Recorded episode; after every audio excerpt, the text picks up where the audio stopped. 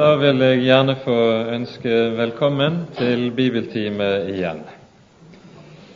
Det som uh, står på programmet i dag, er at vi skal gå gjennom uh, kapitlene 15 og 16 i annen kongebok, det som i disse avsnittene behandler Sydriket og Jerusalems historie og vi skal også se på de parallelle tekstene i krønikebøkene, nærmere bestemt annen krønikebok, 26. til 28. kapittel. Så det blir slik at mens vi de siste par gangene har sett på Nordrikets historie, først og fremst slik det er beskrevet i denne delen av kongebøkene, så skal vi i dag konsentrere oss om Sydriket og dets historie. Skal vi be sammen? Gode Herre og Hellige Far. Deg takker og priser vi for at vi skal få komme sammen i ditt navn på ny. Vi takker deg, Herre, mest av alt, fordi det navn du har gitt oss, er din egen Sønns. I Hans navn kommer du til oss, og i Hans navn skal vi få komme til deg. Takk, Hellige Gud, at du ikke sparte din egen sønn, men ga ham for oss alle, og så har lovet at du vil gi oss alle ting med ham. Nå ber vi deg, vår Gud og Far, at du nettopp vil gjøre som du har lovet. Komme til oss og gi oss av dine gaver med ham. Kom med ditt ord og med din ånd, og vær hos oss. Gi lys i ordet ditt, og gi oss det vi trenger for å leve. Leve rett og bli bevart inntil enden. Ja, kom, Herre, du, og tal. Amen.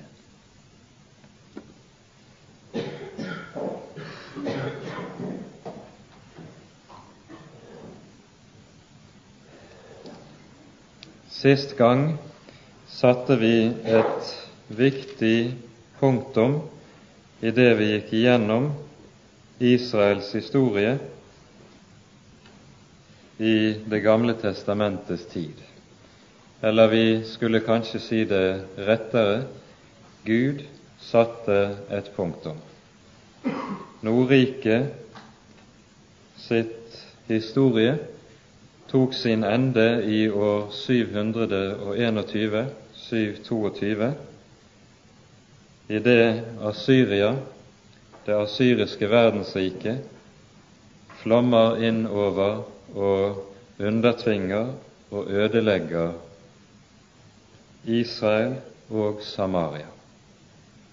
Og fra den tid av er de ti stammene borte, og det er bare to stammer igjen av Guds folk som gikk ut av Egypt som tolv stammer. Det er Juda og Levi stamme som er igjen, samt en liten rest som av flyktninger som kommer til riket i syd og flokker seg om kongene der. Det vi nå skal stanse opp for, er Sydrikets historie under den samme epoken. Og la det allerede fra begynnelsen av være sagt at denne epoke vi her er inne i, er avgjørende og skjellsettende, ikke bare i den betydning som vi var sammen om sist gang, da vi så på Nordrikets historie og utgangen, hvorledes det gikk. men det avgjørende for hele Guds rikes historie, det som her skjer. Noe som vi ikke minst ser når vi går inn i profeten Jesajas skrift og det som berettes hos ham fra denne tid. Jesajas kallsopplevelse, som vi hører om i hans sjette kapittel, det skal vi komme nærmere tilbake til. Den, dette kapittelet danner på mange måter et vannskille i hele Guds rikes historie, samtidig som dette kapittelet kommer til å likesom danne mønsteret for å legge opp veien for all senere profeti i Guds folk. Og La meg ganske kort få peke på at sånn som vi har sagt, det er fra denne tid av, fra 800-750 før Kristus av, skriftprofetenes tid tar sin begynnelse. Før dette har vi også hørt om profeter i Israels historie, men disse skriver ikke ned sine profetier. De skrives ned etter hukommelsen av andre, eksempelvis av profetenes disipler, og derfor har vi heller ingen sammenhengende profetskrifter fra de tidligere profetene. Men nå er det skriftprofetene begynner å opptre. Og skriftprofetenes tid varer like frem til etter det babylonske fangenskap og kan grovt inndeles i tre hovedepoker. Og Disse tre epokene faller nokså nøyaktig sammen med epokene til de tre verdensriker som er de dominerende i hver av disse epoker. I den tid vi nå er inne i, er det det asyriske verdensriket som dominerer på arenaen. Hele Midtøstens historie i det syvende og åttende århundret før Kristus bestemmes av det asyriske verdensriket og av de kriger som utspinner seg i tilknytning til dette riket. Og den asyriske epoke, om vi kan si det slik, gir oss altså de første skriftprofetene. I Sydriket opptrer tre. Joel er den første av disse, og hans profetier danner på mange måter noe av et mønster for den senere skriftprofeti. Og sammen med Joel møter vi da Jesaja og Mika. Og disse tre virker i Sydriket i Jerusalem. Hovedprofeten i denne epoken var Jesaja. Det sier seg selv.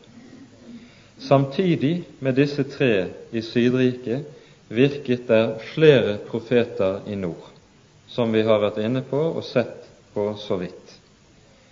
Det var profeten Hosea, Amos og til sist Jonah.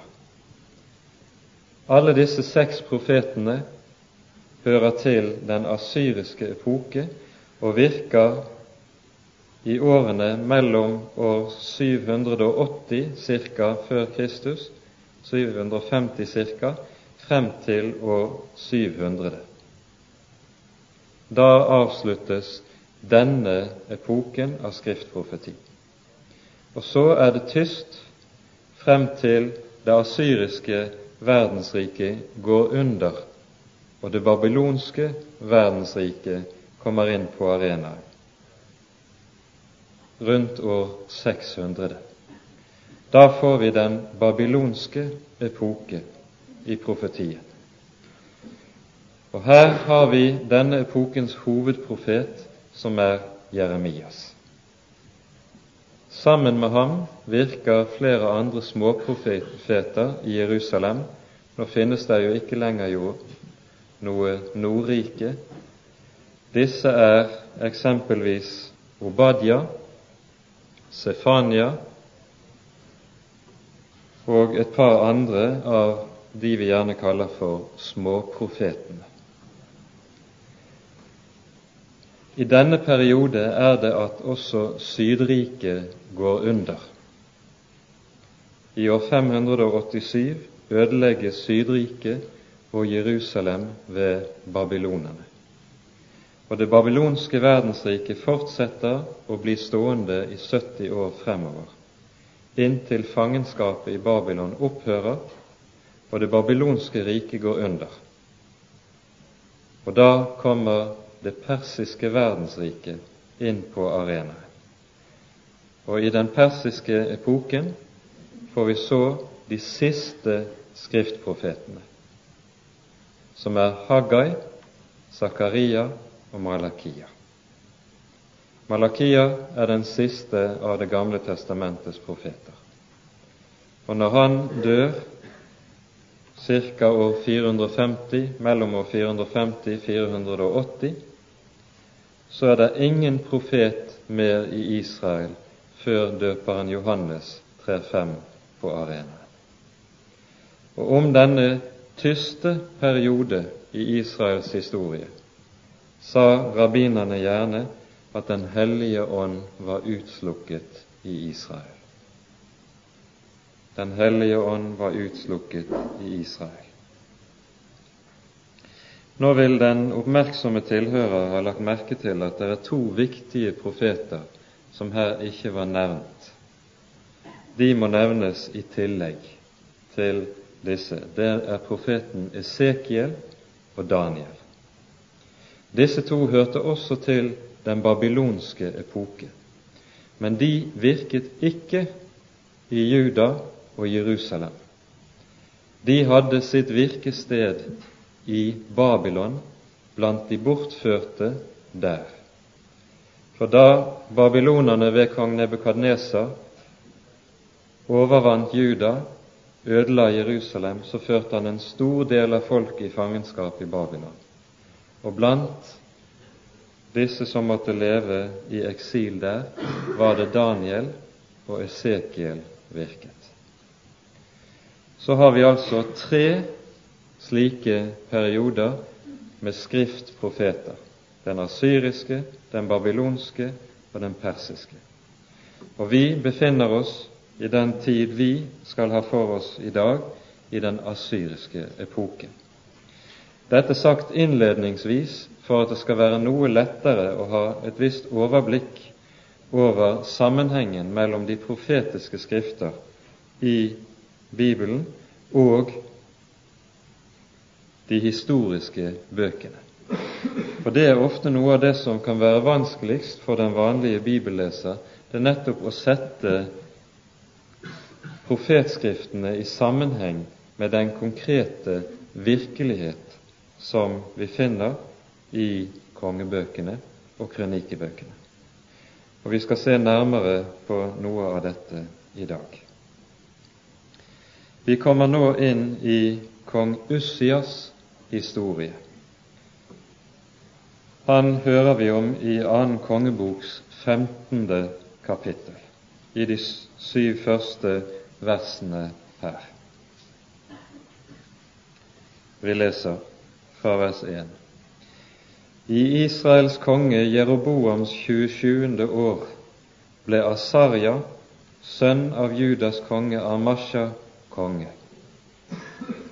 Han var 16 år gammel da han ble konge, og regjerte 52 år i Jerusalem.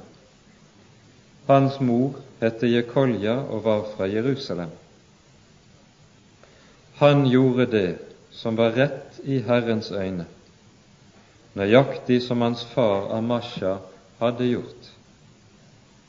Men offerhaugene ble ikke nedlagt. Folket fortsatte med å ofre og brenne røkelse på haugene. Herren slo kongen så han ble spedalsk til sin dødsdag. Han bodde i et hus for seg selv, og Jotam, kongens sønn, sto for kongens hus og dømte landets folk. Det som ellers er å fortelle om Asaria og om alt det han gjorde, det er skrevet i Judas kongers krønike. Og Asaria la seg til hvile hos sine fedre, og de begravet ham hos hans fedre i Davids stad. Og hans sønn Jotam ble konge efter ham. Kong Ussias opptrer i kongebøkene med et annet navn, nemlig Asarja. Asarja betyr efter den hebraiske grunnteksten Herren er hjelperen, eller Herren gir hjelp. Mens det annet navn, som er det vanlige navnet på han ellers i Bibelen, Ussias, det betyr direkte oversatt Herren er min styrke. Hvorfor kongen kalles med to slike ulike navn i Bibelen, vet man ikke. Men de rabbinske fortolkere sier at han frem til han ble spedalsk, het Asaria. Mens etter dette fikk han navnet Usias. Om dette er riktig, kan vi ikke vite, men det er mulig at det holder mål. Det som kjennetegner Usias regjering, og vi får kalle ham det ettersom det er det vanlige navnet i Bibelen, det er at når han bestiger tronen, så er Juda nærmest en ruin. Under hans far Amasha var så godt som alt kommet til å gå galt. Dette leser vi om i bl.a. i det foregående kapittel. Juda var blitt ribbet for hele sin fordums herlighet og prakt, og var bokstavelig talt på knærne politisk. På grunn av et tåpelig felttog hans far Amasha hadde gjort mot Israel, mot Nordriket, der de led et fryktelig nederlag, så var landet blitt skattskyldig, skattepliktig, til Jeroboam og til Nordriket. Samtidig som Jeroboam etter seieren over Amashas hær dro inn i Juda og brøt ned bymurene rundt Jerusalem. Sterkere kan det ikke understrekes at, is, at Juda var hjelpeløst militært og var på randen av å opphøre som selvstendig nasjon. Usias er imidlertid en konge som frykter Herren, og samtidig er uhyre dyktig i hele sin regjering. Han er relativt ung når han kommer på tronen, og vi får høre i det foregående kapittel at hans far Amasha rett og slett ble myrdet av folket på grunn av sin udugelighet og sine mange tåpelige foretak. Og så, etter at han var blitt ryddet av veien, står det at hele folket gjør Ussias til konge. Hvorfor Ussias velges av folket, vet vi ikke. Han kan neppe ha vært den eldste av kongesønnene, ettersom han bare er 16 år gammel, og Amasha var godt over 50 år da han ble drept. Likevel, det er Ussias som kommer på tronen. Og fasiten på hans regjering er det vi leste i vers 3. Han gjorde det som var rett i Herrens øyne nøyaktig som hans far Amasha hadde gjort. Og Når det refereres til Amasha her, så refereres det til slik Amashas innrette seg den første tid av sin regjering.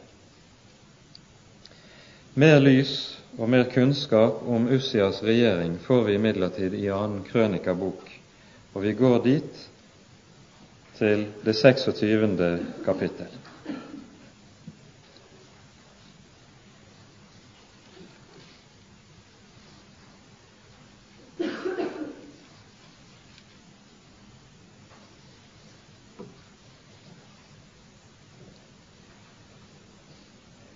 Vi leser fra vers 1. Hele Judas folk tok og gjorde Ussia, som da var 16 år gammel, til konge etter hans far Amasha. Han gjorde Eilat til en befestet by og vant den tilbake til Juda, etter at kongen hadde lagt seg til hvile hos sine fedre. Ussia var 16 år gammel da han ble konge, og han regjerte 52 år i Jerusalem, og hans mor hette Jekilja og var fra Jerusalem. Han gjorde det som var rett i Herrens øyne, slik som hans far Amasha hadde gjort. Han søkte Gud så lenge Zakaria levde, han som skjønte seg på Guds syner. Så lenge han søkte Herren, lot Gud det gå ham vel. Han dro ut og kjempet mot filistrene og rev ned bymurene i Gat og Javne og Ashtod. Han bygget byer ved Ashtod og på andre steder i filistrenes land. Gud hjalp ham mot filistrene og mot de arabere som bodde i Gur Baal, og mot meonittene. Og ammonittene kom med gaver til Ussia. Hans navn nådde helt til Egypt, for han ble overmåte mektig.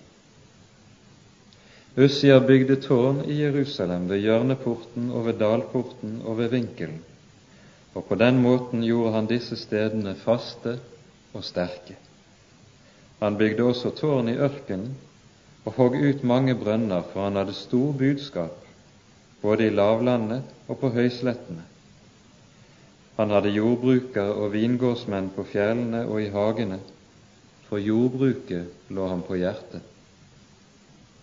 Ussia hadde en krigsdyktig hær, som dro ut i strid i flokker, mønstret og talt av statsskriveren Jeoel og tilsynsmannen Maaselja, under ledelse av Hananya, en av kongens høvdinger. 2600 var det fulle tall på de djerve stridsmenn som var familie over hoder.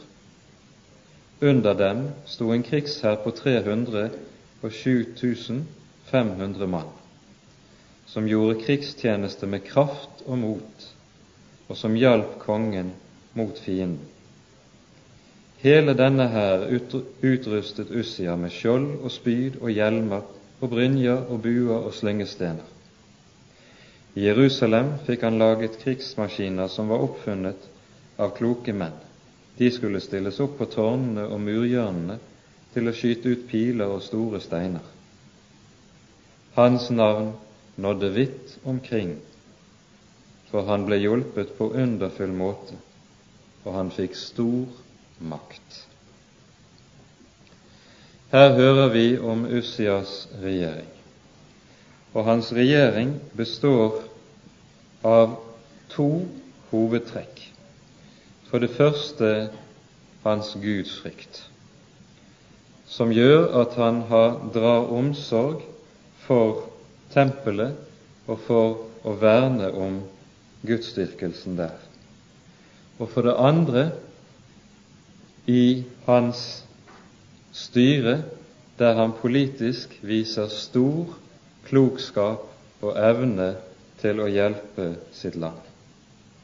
Når det står om Eilat ved Rødehavet allerede i vers 2, så henger det antagelig sammen med at dette var det første krigstoget kongen dro ut på, allerede tidlig i ung alder.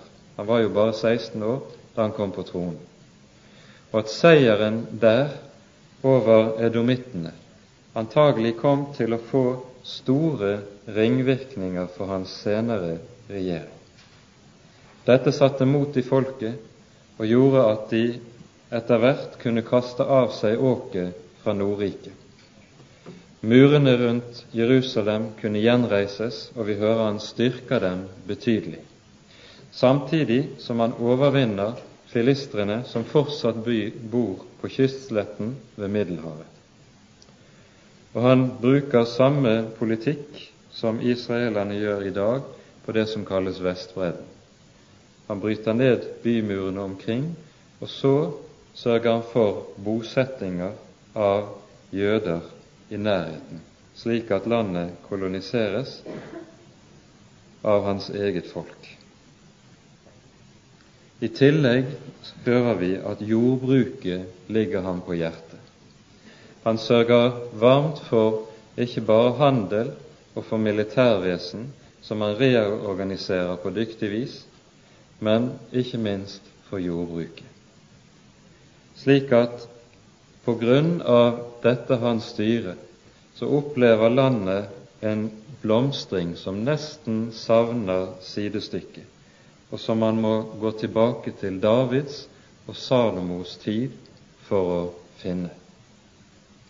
Ussias overtar en ruin når han bestiger tronen. Men når han dør, er Juda et sterkt og et mektig rike, der velstanden blomstrer, og, det, og folket lever trygt og i fred. To grunner ligger til denne, dette lykkelige styret. Ussias gudsfrykt og hans dyktighet i hele hans regjeringsgjerning. Men Ussias regjering er ikke uten skår. Om det leser vi videre fra vers 16 i dette kapittelet i annen krønikabok, som vi begynte. Da han var blitt mektig, ble han overmodig i sitt hjerte, til sin egen undergang. Han ble ulydig mot Herren sin Gud og gikk inn i Herrens helligdom for å brenne røkelse på røkofferalteret. Presten Asaria gikk inn efter ham, og med ham åtti av Herrens prester, modige menn. De trådte frem mot kong Ussia og sa til ham:" Det tilkommer ikke deg, Ussia, å brenne røkelse for Herren, men bare prestene, Arons sønner, de som er viet til det.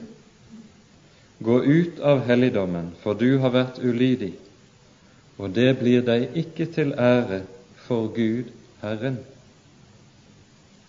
Da ble Ussia vred. Han holdt et røkelseskar i hånden og ville nettopp til å brenne røkelse. Men da hans vrede brøt løs mot prestene, brøt det ut spedalskhet i hans panne. Mens han sto der foran prestene i Herrens hus ved røkofferalteret. Da ypperstepresten Asaria og alle prestene vendte seg mot ham, så de at han var spedalsk på pannen. Da drev de ham raskt bort derfra, og selv skyndte han seg også å komme seg ut, for Herren hadde slått ham. Siden var kong Ussias spedalsk like til sin dødsdag. Han bodde i et hus for seg selv som spedalsk, for han var utelukket fra Herrens hus. Hans sønn Jotam sto for kongens hus og dømte landets folk. Det som ellers er å fortelle om Ussia, både i hans første og i hans senere dager, har profeten Jesaja av Mosen skrevet opp. Ussia la seg til hvile hos sine fedre, og de begravet ham nær hans fedre på den begravelsesplass som tilhørte kongene, for de sa:" han er spedalsk. Og hans sønn Jotam ble konge efter ham. Og vi legger merke til i vers 23 kongen ble ikke begravet i kongegravene, står det, men i de graver som tilhørte kongene, dvs. Si der kongenes familie for øvrig ble gravlagt. For de sa han er spedalsk.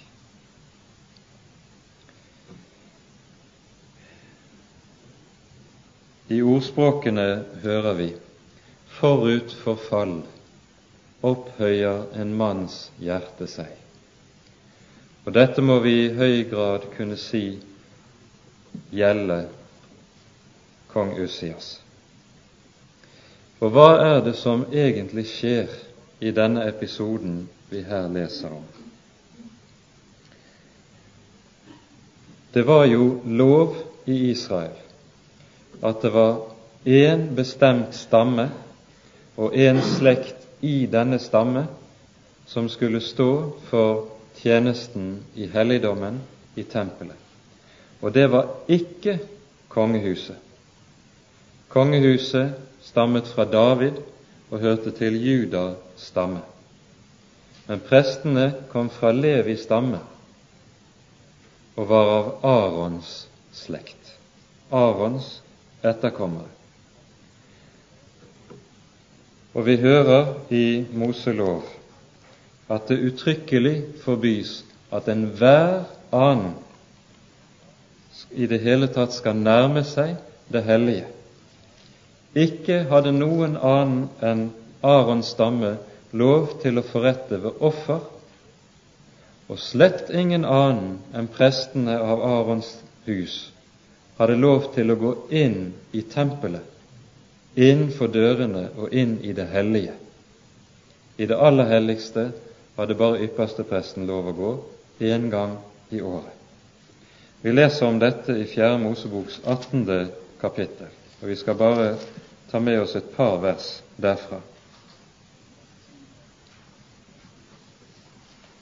Fjerde Mosebok 18, vers 6 og vers 7.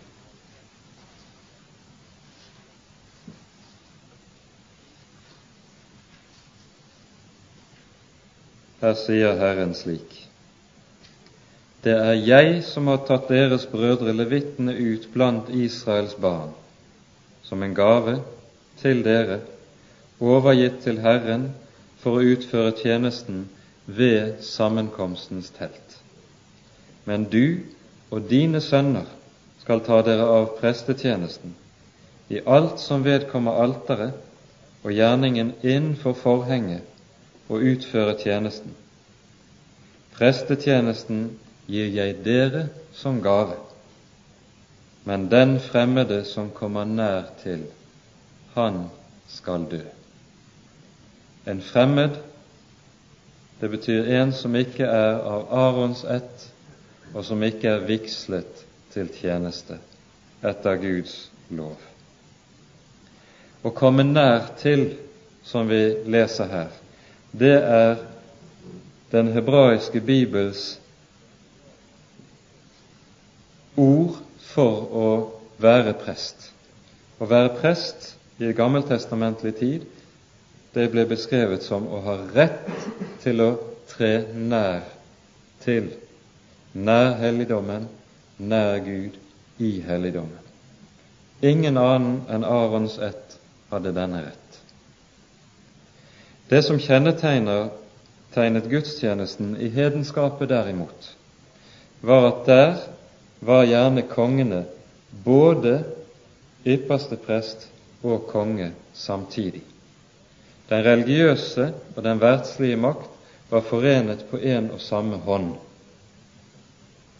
Men det er et grunntrekk altså i Israels religion, slik vi møter den i Det gamle testamentet, at disse to gjerninger er på det skarpeste atskilt. Og det var belagt med dødsstraff om en fremmed kom nær til, hørte de. Det Ussias gjør, det er at han tiltar seg en gjerning som ikke tilkommer ham. Han går inn i et kall som ikke er gitt ham av Herren. Og vi skal merke oss, for i dette ligger det grunnleggende og viktig lærdom.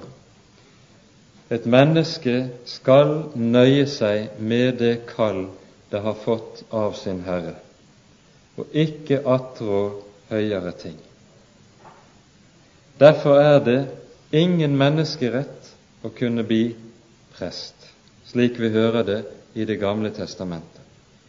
Og akkurat det samme gjelder for så vidt om det som har med gudstjenesten i våre dager og tjenesten i Guds rike i våre dager òg. Det er ingen menneskerett å kunne bli prest. Den synd Ussia faller i, er helt analog med den synd som kalles Koras synd, og som vi møter, hører om i Fjerde Moseboks 16. kapittel. Her er det en levitt, Kora, som sammen med en del andre levitter.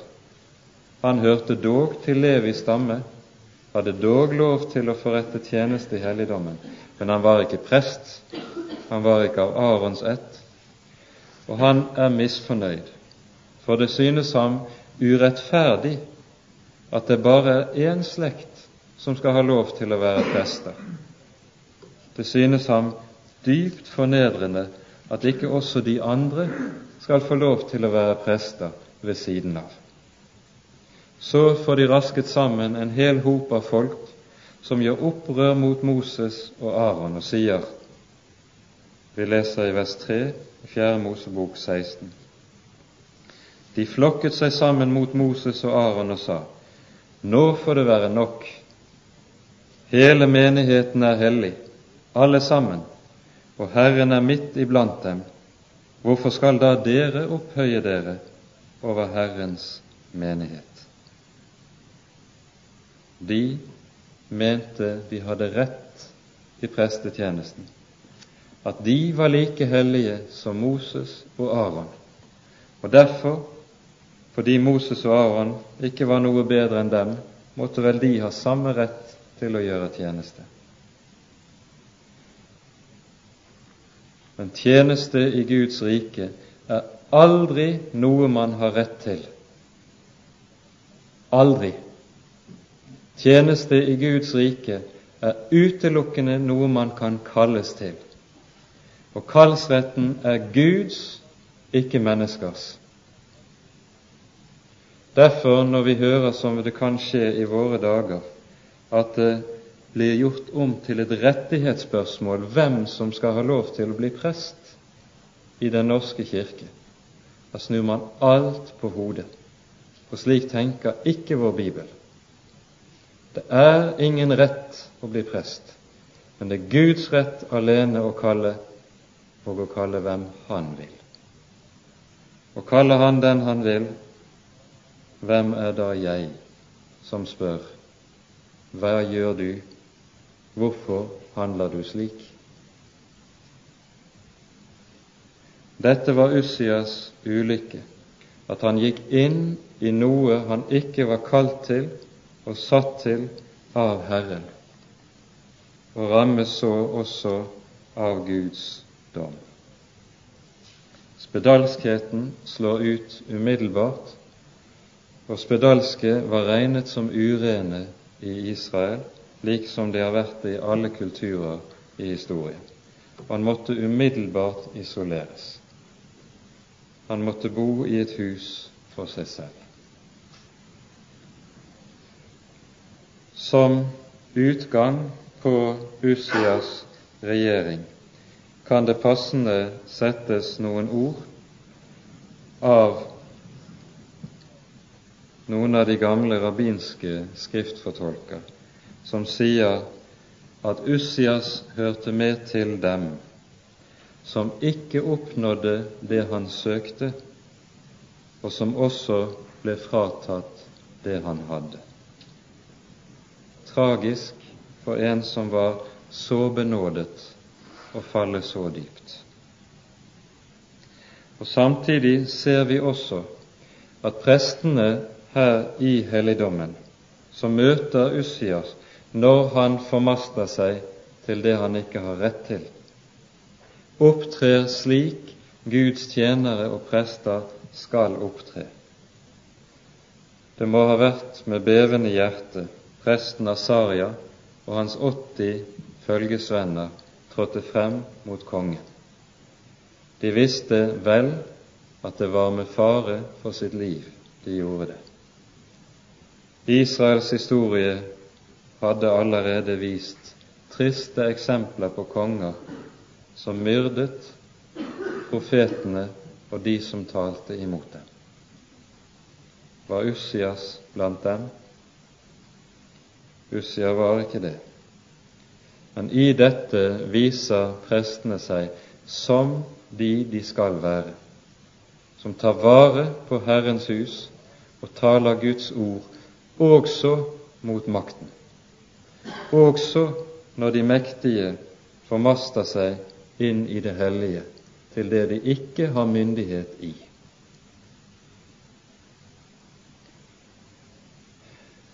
Så blir Ussia altså avsatt av Herren.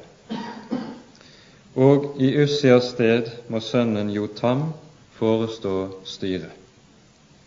Og Jotam er en av de som Bibelen omtaler nokså kort, men samtidig meget vel.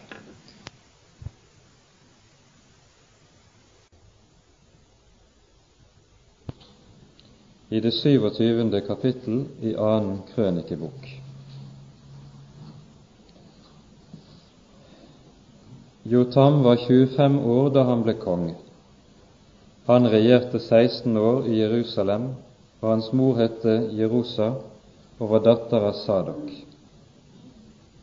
Han gjorde det som var rett i Herrens øyne, slik som hans far Ussia hadde gjort. Men han gikk ikke inn i Herrens helligdom, men folket fortsatte med å gjøre det som var ondt. Jotam bygget den øvre porten til Herrens hus, og han bygget mye på Ofelmuren. Han bygde også byer i Judafjellene og skogene, og i skogene bygde han borger og tårn. Han førte krig med Ammons barns konge og overvant dem så Ammons barn det året måtte gi ham hundre talenter sølv, ti tusen kor hvete og ti tusen kor bygg. Det samme måtte Ammons barn gi ham også i det annet og det tredje år.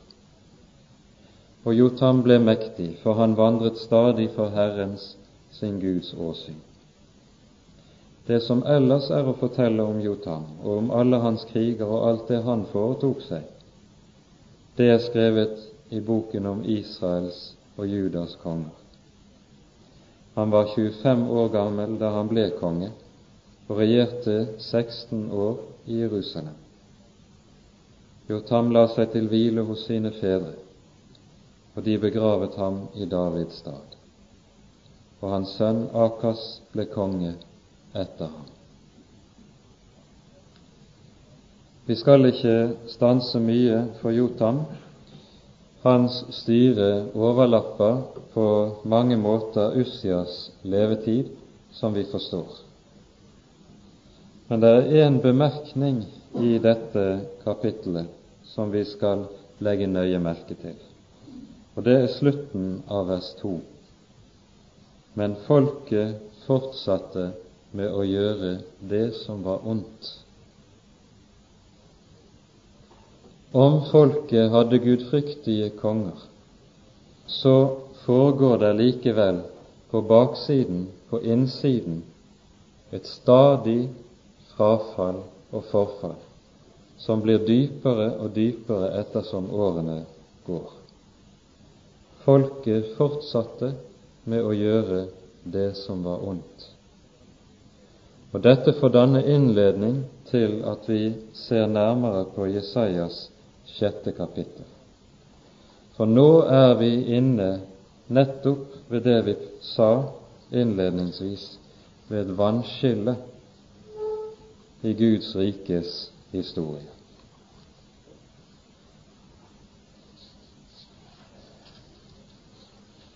I det første kapitlet, i det første verset hos Jesaja, hører vi under hvilke konger Jesaja virket.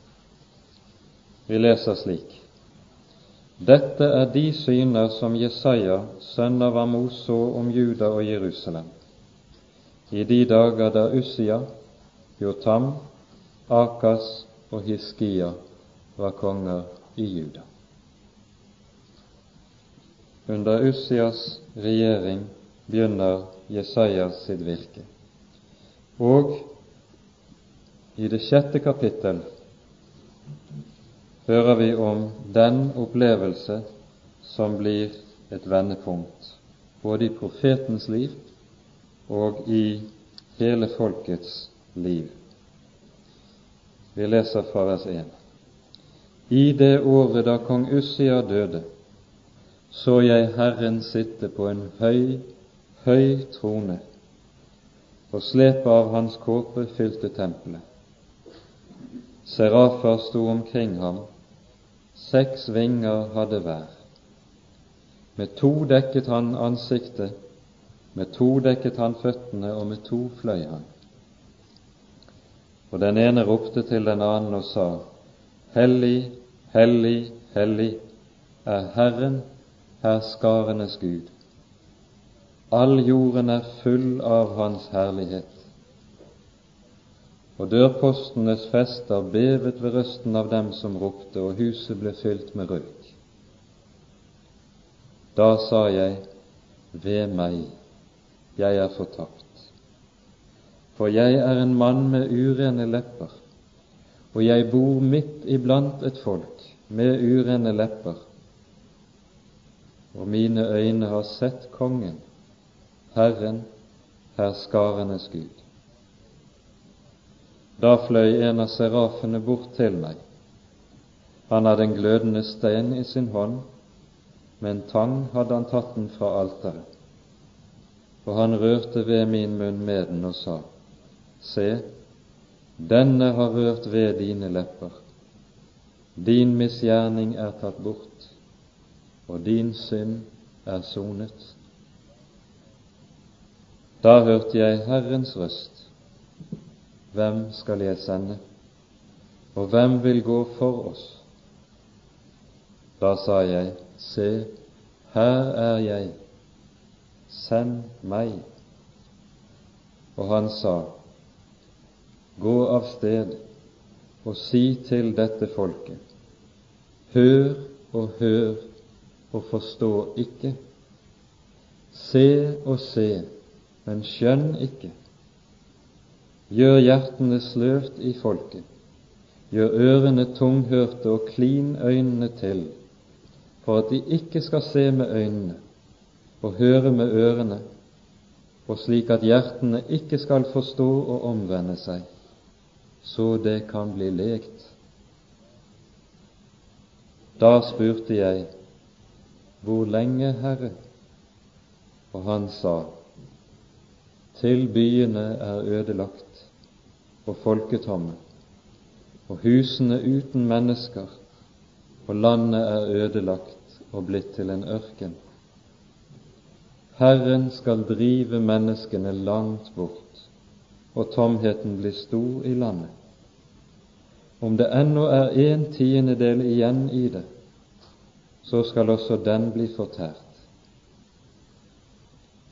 Men like som det blir en stubb igjen av terebinten og eiken når en feller den, slik skal en hellig sæd være den stubb som blir igjen av folket.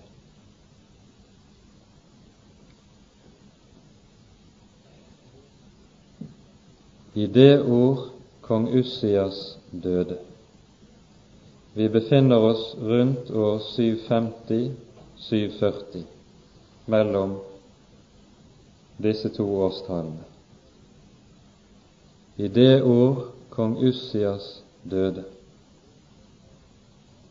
det som har skjedd i Israel frem til denne tid, det er at Guds folk gradvis og stadig sterkere har forherdet seg mot Herren og mot Hans ord. I stadig sterkere grad har hengitt seg til all slags synd og all slags avgudsdyrkelse. de har forherdet seg. Det som nå skjer, er at denne selvvalgte forherdelse i Guds folk nå kommer under den Guds dom at fra denne tid av skal forherdelsen gå over i en tvungen og gudvirket forherdelse. den frivillige forherdelse går over i en tvunget forherdelse, som er en Guds domsgjerning over folket. De er ved å fylle sine synders mål. Det er et forferdelig kall profeten får. Se i øynene. Og fordi kallet er så forferdelig, som vi leste det, så blir også den åpenbaring som ledsager kallet, tilsvarende stor og gjennomgripende. Profeten rykkes likesom inn i himmelen, står for Guds ansikt i den himmelske helligdommen, som tilsvarer det aller helligste i tempelet i Jerusalem, der Guds trone var reist. Slepet av kappen fylte tempelet, og røk likeså fra røkelsen på alteret. Og så blir han vitne og tilhører til den himmelske gudstjenesten og får lytte til englenes, serafenes, lovsang. Hellig, hellig, hellig er Herren herskarenes Gud. All jorden er full av Hans herlighet. Det er den trefoldig hellige Gud Jesaja står overfor. Det er den trefoldig hellige Gud Guds folk også står overfor å ha med å gjøre. Det er den trefoldig hellige Gud Guds folk har forherdet seg mot og krenket like opp i ansiktet. Den Gud som er så veldig i sin hellighet at når englene, serafene, beskrives der de står for tronen, så er de slik at de må dekke ansiktet til fordi de ikke tør skue ham i hans velde, i hans herlighet, i hans storhet.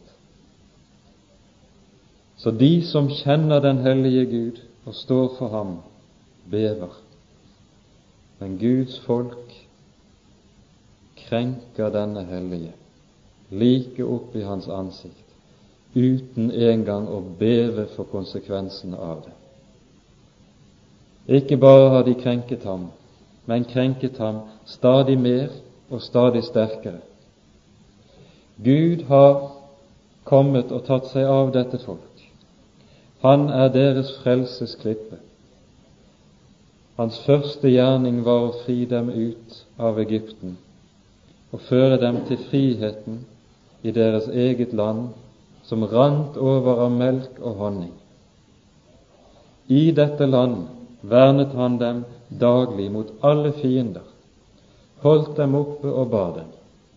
Når de falt, tuktet han dem, når de vendte tilbake, øste han velsignelse og nåde over dem, på ny og på ny, uten å gå trett. Men jo mer nåde, jo mer velsignelse dette folk fikk motta, jo mer syndet de, jo dypere falt de, jo hårdere forherdet de seg. I det år kong Ussias døde, rammer dommen dette folk.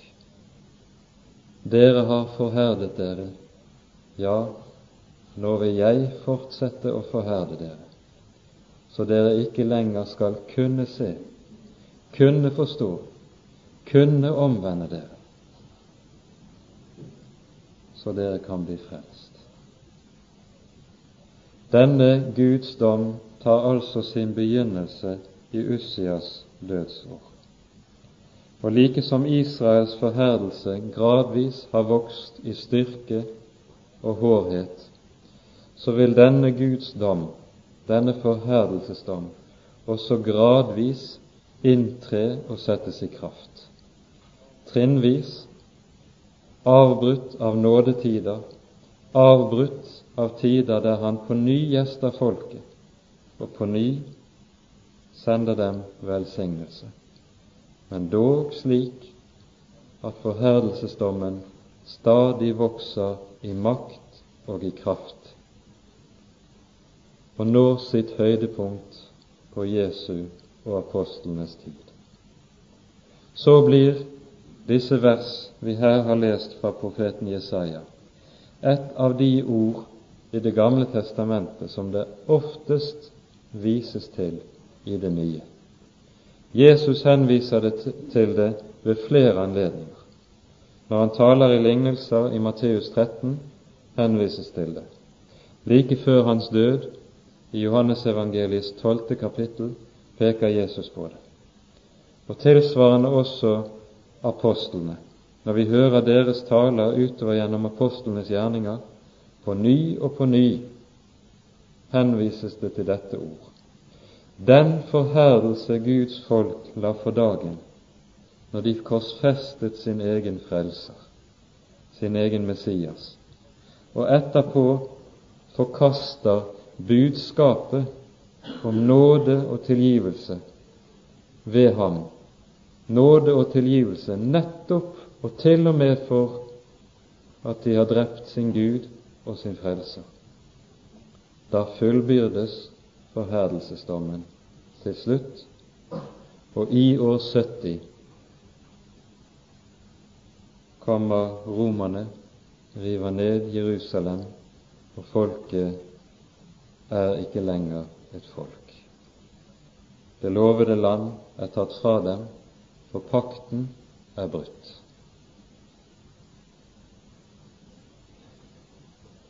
Vi skjønner ut fra det som her står, at dette er et vannskille i Guds rikes historie. Det er en helt avgjørende epoke vi her er inne i. Og at denne forherdelsesdom tidlig begynner å tre i kraft, ser vi allerede på den kongen som snart kommer på tronen, kong Akas, Jotams sønn, som er en av de verste kongene i Juda. Vi rekker ikke å stanse meget opp for hans regjering i dag. Det får bli neste gang. Men så mye får vi peke på, som vi var inne på fra Jesajas bok syvende kapittel forrige gang, i forbindelse med at vi stanses opp for den syrisk-efraimittiske krig. Herren lover denne konge å gi ham et tegn, et tegn på forløsning fra de fiender som nå renner inn i landet.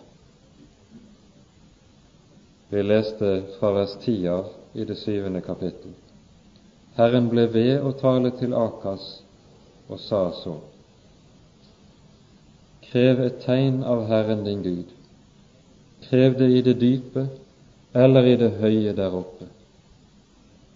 Men Akas svarte, Jeg vil ikke kreve noe av Herren, og jeg vil ikke friste Herren. Da sa profeten, så hør da, dere av Davids hus. Er det for lite for dere å trette mennesker, siden dere også tretter min Gud?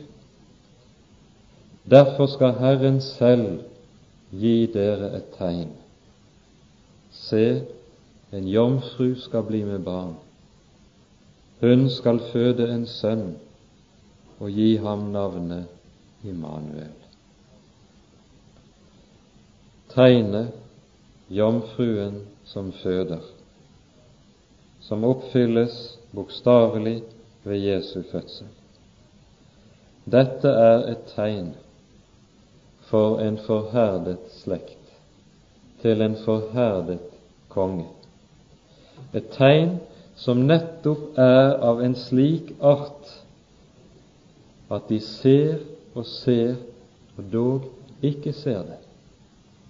Den som ikke vil tro, skal ikke se tegnet, skal ikke forstå det. Det er lukket og stengt for ham, like som for Akas. Men for troen, for troen er tegnet åpenbart.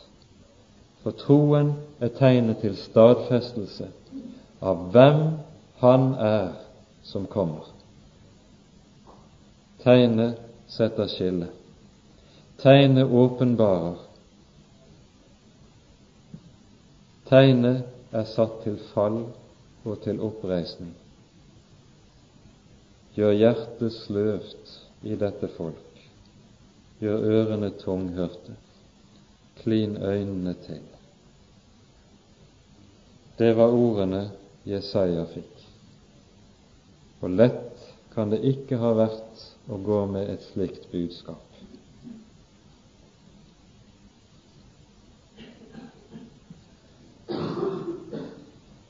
Vi kan spørre oss selv med tanke på forkynnelsen. For det er slik i Guds rikes historie at det som forbilledlig skjedde med Israel, det oppfylles for den nye pakts folk i Kirkens eller i menighetens tid.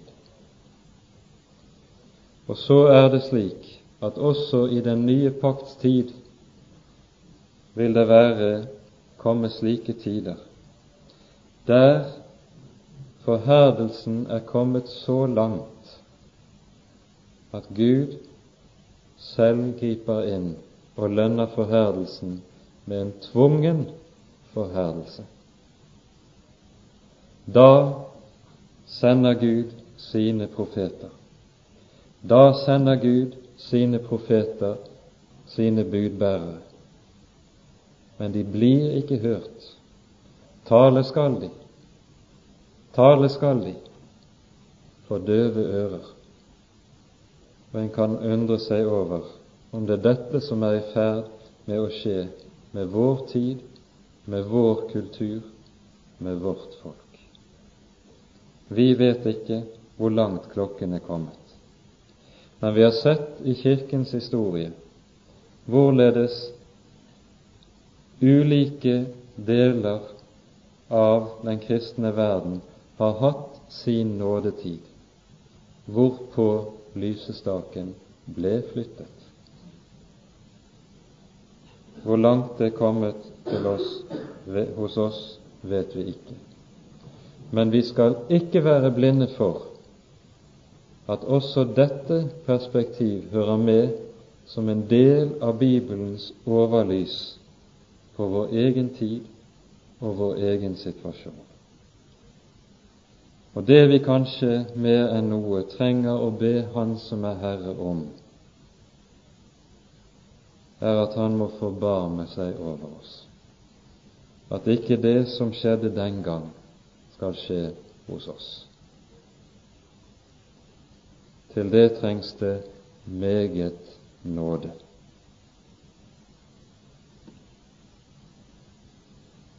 Amen.